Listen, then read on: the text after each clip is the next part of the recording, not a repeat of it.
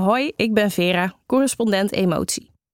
Mensen die elkaar niet kennen en die dan ineens met elkaar te maken krijgen, ik vind dat echt het mooiste wat er is. Maar die toevallige ontmoetingen, die vergeten we vaak net zo makkelijk als ze gebeuren. Daarom schrijf ik ze af en toe op. Laat me er eentje aan je voorlezen. Bij het rek met pyjama shirts met teksten als Dream a Dream, Summer Vibes, waar zonder uitzondering ook een Eiffeltoren en een glitterroos op staan, wordt mij plots een zoon gedoneerd. Het gebeurt achter in de zeeman. In mijn mandje liggen citronella kazen, een baby strandcape en alles reinigen die ruikt naar mediterraan. De jongen is een jaar of drie. Zijn moeder geeft hem een zetje met haar heup, mijn kant op. Mij pakt ze bij mijn bovenarm en vraagt zegt, heel lekkers. Op haar schouder ligt een zak garnalen te ontdooien. Het smeltwater neemt de zonnebrand van haar decolleté mee en loopt in witte stralen haar shirt in. Ze moet die baal echt even kwijt. Zo terug. Maar eerst moet worden bepaald in wiens auto de gamba's moeten. Voor de ingang van de winkel hangen een man en een vrouw over een afgeladen winkelwagen. De moeder uit de zeeman houdt de zak garnalen omhoog, zoekt oogcontact met de twee bij de wagen en roept: Kan niet bij mij, geen airco. Bij de man, die met zijn sandaal op de bierkratklep van de winkelwagen steunt, past het ook niet. Zijn auto is naar eigen zeggen al doorgezakt.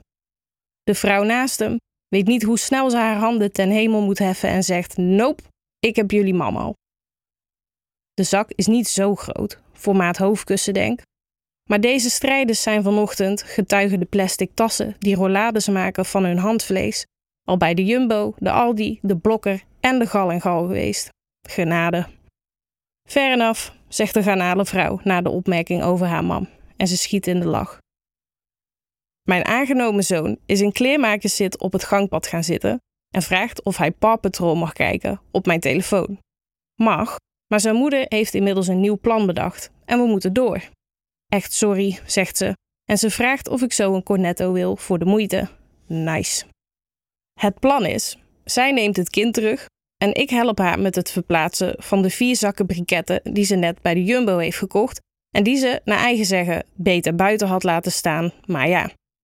De jaarlijkse familiebarbecue vangt zo aan, vul ik in. We schuifelen gedrieën richting kassa. Zij voorop, onze zoon, de briketten en ik in haar slakkenspoor. De regenboogsponsjes waarvoor ze kwam onder haar arm geklemd. Een vrouw sluit achter ons aan in de rij, prepandemisch dicht op mij. Haar handen zijn leeg en ik vraag me af waarom ze hier staat. Misschien komt ze voor een van de surprise-eieren of ansichtkaarten aan de kassa. Ze gebaart naar de briketten op de grond en het. Dat gebarbecue. De eerste barbecue-dag van het jaar snapt ze nog. De tweede minder. En op warme dag 27 gelooft ze het allemaal wel. Ze knikt naar de garnalenvrouw die staat te pinnen en zegt: Hard genoeg.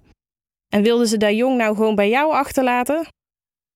De garnalenvrouw buigt achterover, zodat ze langs me heen kan kijken om te zien wie die opmerking maakte. Shit. 32 graden, vijf overbevolkte winkels, vier zakken briketten, één kind van drie, twee stevige stralen garnalensap. Die gaat ontploffen. De jongen heeft het ook door. Hij pakt het been van zijn moeder vast. Die sluit haar ogen kort en zegt tegen de vrouw achter me: Mam, kom op. Het is de missie van de correspondent om voorbij de waan van de dag te gaan. Onze correspondenten voorzien het nieuws van context en schrijven over de grote thema's van deze tijd. De correspondent geeft me de vrijheid om mijn nieuwsgierigheid te volgen en de tijd om verhalen te schrijven. En zo probeer ik onzichtbare structuren zichtbaar te maken en een andere kijk te bieden op debatten die het nieuws domineren. Dan gaat het minder over het spelletje en veel meer over wat er op het spel staat. Vanaf dag 1 zijn onze artikelen, boeken en podcasts gefinancierd door onze leden. Volg ons op onze journalistieke zoektocht. Overweeg eens lid te worden van de correspondent. En maak daarmee samen met ruim 70.000 anderen onze onafhankelijke journalistiek mogelijk. Dus word lid van de correspondent. Ja. Word lid. Word lid.